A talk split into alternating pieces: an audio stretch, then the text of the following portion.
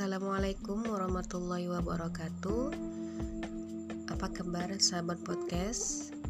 Kembali lagi bertemu dengan saya Umu Amira di ruang dakwah. Edisi 24 Juni 2021 hmm, Sahabat podcast hari ini kita akan membahas tentang masih seperti seperti hari-hari sebelumnya tentang sabar. Hmm, kali ini saya mengambil tulisan dari majalah Al-Wa'i edisi 30 April 2019 hmm, rubrik Ibroh yang berjudul penyesalan terkadang manusia itu uh, sering ya pasti itu ada merasakan menyesal ataupun penyesalan. Ini bentuk kecewa ataupun bentuk e, rasa yang ada ketika ada tujuan ataupun cita-cita yang tidak di e, tidak dicapai karena ada aktivitas-aktivitas yang tidak dilakukan. Nah, maka e, rasa menyesal itu sering ya. Jadi rata-rata kita sebagai manusia pasti pernah merasakan e, nyesal ya atau penyesalan. E, suatu hari Abu Ishak As-Sabi'i menangis. Lalu ia ditanya, "Mengapa Anda menangis?" Dia menjawab, "Kekuatanku telah hilang. Sholat telah luput dariku. Aku tak sanggup lagi sholat sambil berdiri lama kecuali hanya dengan membaca surah Al-Baqarah dan Ali Imran saja." Dalam hadis Ibnu Ibn As-Siqat. Jadi uh, Ishak ini menangis karena dia tidak bisa lagi berdiri lama ketika sholat.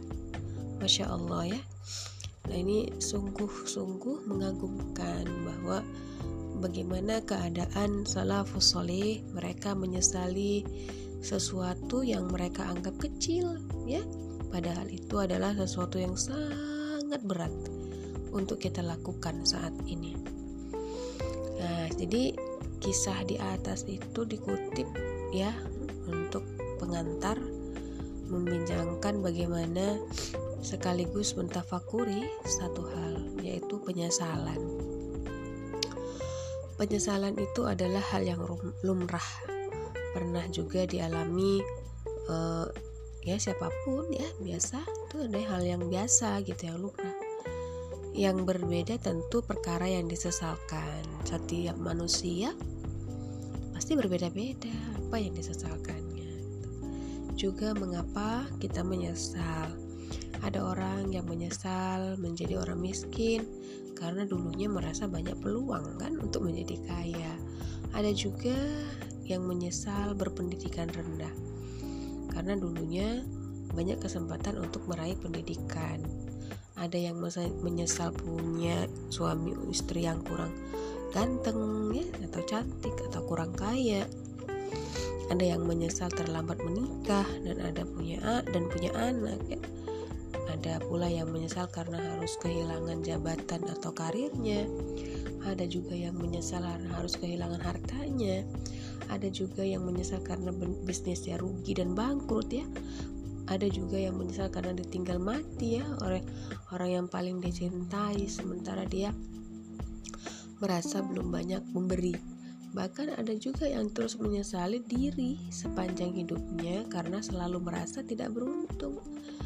Mereka merasa dia itu selalu sial ya dan banyaklah lagi ya penyesalan-penyesalan yang dialami oleh manusia. Nah pada umumnya Orang menyesal karena perkara-perkara dunia dari dirinya. Sangat jarang sekali orang menyesal karena hilangnya atau kurangnya agama dari dirinya. Sedikit orang misalnya uh, yang menyesal karena terlambat sholat berjamaah di masjid terlalu kecil bersedekah, terlalu sedikit membaca Al-Quran daripada membaca WA, Twitter, Instagram, Facebook, dan lain-lain. Mungkin terlalu banyak waktu dihabiskan untuk hal-hal yang tidak berguna. Terlalu sedikit menyelesaikan waktu untuk belajar agama ya, tafakur fiddin dan lain sebagainya. Banding dengan penyesalan Abu Ishaq Sabi'i yang di atas tadi, yang karena sudah tua, tak sanggup lagi berdiri lama dengan sholat, dia menyesali hanya bisa berdiri dalam sholat sekedar cukup untuk membaca setelah Al-Fatihah, Al-Baqarah dan Ali Imran. Saat yang sama, kita membaca surah Asyam atau Al-A'la dalam sholat saja sudah merasa terlalu panjang. Bandingkan pula dengan penyesalan Imam Al-Ghazali. Dia konon pernah ketinggalan sekali sholat malam pada saat yang sama uh, kita ya pada saat yang sama jangankan kalau kita ya jangankan ketinggalan sholat malam kesiangan sholat subuh pun masih bisa tertawa. Sama sekali tidak ada penyesalan. Yang lebih parah banyak orang sedikit pun tak menyesal saat ia telah melakukan banyak dosa. Banyak dosa besar seperti zina riba suka berbohong susu ya. Kemudian zolim terhadap rakyat. Banyak ya. Mereka melakukan itu semua tanpa beban tanpa merasa berdosa bahkan mungkin dengan ketenangan yang luar biasa. Padahal penyesalan meski ucap kali acap kali terlambat ya itu tetaplah berguna ya. Maka masih lumayan menyesal ya waktu di dunia. Masih mungkin untuk menembus rasa sesal tentu dengan ikhtiar yang lebih baik. Juga dengan tidak mengulangi kesalahan yang sama yang menjadi sebab penyesalan terjadi. Nah, yang e, menjadi e, repot ketika penyesalan itu benar ya, benar-benar datang terlambat, bukan di dunia tetapi di akhirat. Saat ajal udah deket ya, nggak lama kemudian sakratul maut. Lalu pada akhirnya jasad sudah membujur kaku ya di liang lahat saat itu gak ada lagi gunanya rasa penyesalan. Tak ada lagi kesempatan untuk bertobat. Yang ada hanyalah kesiapan menghadapi segala akibat pahala ataupun dosa. Maka nikmat surga atau neraka yang akan kita dapatkan. Karena itu eh, ya sahabat Rasulullah Wasallam mengingatkan bahwa tidak ada orang yang mati melainkan mereka menyesali hidupnya. Tidaklah seseorang mati melainkan ia akan menyesal. Orang-orang bertanya, "Ya Rasulullah, apa penyelesal penyesalannya?" Beliau menjawab, "Jika dia orang baik, dia menyesal.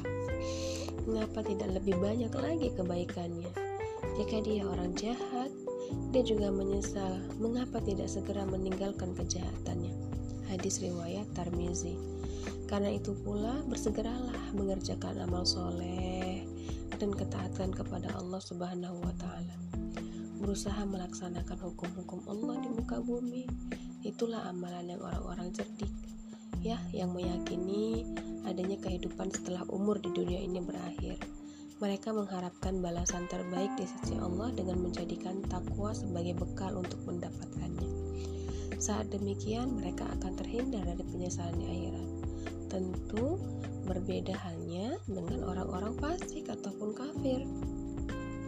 Di dunia mereka mungkin merasakan banyak kesenangan, hidup bahagia, tak pernah merasakan sulit, diliputi banyak kemudahan, harta berlimpah, posisi dan jabatan terpandang ya misal seperti presiden, menteri, anggota dewan, kepala daerah, pimpinan partai ya banyak pejabat daerah dan sebagainya. Namun semua itu pasti tak ada artinya ya bahkan bisa menjadi sesalan di akhirat. Saat di dunia dia membangkang kepada Allah Subhanahu wa taala, banyak bermaksud kepadanya, ya, mencampakkan syariahnya, berbuat zalim kepada rakyat dan sebagainya. Maka saat itu pula kebenaran firman Allah Subhanahu wa taala benar, benar-benar nyata. Dalam Quran surah 6 ayat 40 Allah berfirman, Sungguh kami telah memperingatkan kalian siksa yang dekat. Pada hari manusia melihat apa yang telah diperbuat oleh kedua tangannya. Dan orang kafir berkata alangkah baiknya sekiranya aku dulu hanyalah tanah katanya. Nah jadi uh, puncaknya saat ini mereka sudah menyampaikan semua jenis khayalan dan penyesalan. Tetapi tidak berdampak apa pun. Mereka lalu berandai-andai untuk mengorbankan anak, istri dan keluarganya. Tentu demi satu hal terhindar dari azabnya. Nah Allah subhanahu wa ta'ala juga melukiskan Orang kafir ingin sekali sekiranya dia dapat menebus dirinya dari azab hari itu dengan anak-anaknya, istrinya, saudaranya, dan keluarganya yang melindungi dirinya di dunia, bahkan orang-orang di atas bumi seluruhnya. Kemudian berharap tebusan itu dapat menyelamatkan dirinya. Quran Surah Al-Ma'arij ayat 11 sampai 14. Allah Subhanahu wa taala pun berfirman, pada hari itu diperlihatkan neraka jahanam. Pada hari itu sadarlah manusia, tetapi kesadarannya itu tidaklah berguna lagi baginya.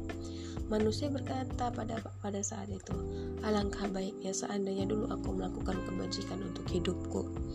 Quran surah Al-Fajr ayat 23 dan 24. Pada saat itulah ya sahabat, sebagaimana sabda Nabi di atas, manusia benar-benar akan menyesal. Pelaku kebaikan akan menyesal. Mengapa di dunia tidak lebih banyak lagi melakukan kebaikan? Pelaku kejahatan apalagi? Dia akan amat menyesal mengapa saat di dunia dia tidak berhenti melakukan kejahatan sejak awal. Maka hasilnya selayaknya kita bertobat sebelum terlambat. Ayo sama-sama saling mengingatkan, saling memotivasi. Taat sebelum ajal mendekat, segera meninggalkan maksiat agar tak menyesal dunia di akhirat. Allahu a'lam bishawab. Uh, itu adalah uh, podcast edisi hari ini. Semoga ada ibroh ya ataupun hmm, hikmah yang bisa diambil dari podcast saya. Mohon ampun kepada Allah, mohon maaf kepada semuanya jika ada kesalahan. Uh, ketemu lagi besok di podcast Umu Amira Ruang Dakwah. Wabillahi taufiq wal hidayah. Assalamualaikum warahmatullahi wabarakatuh.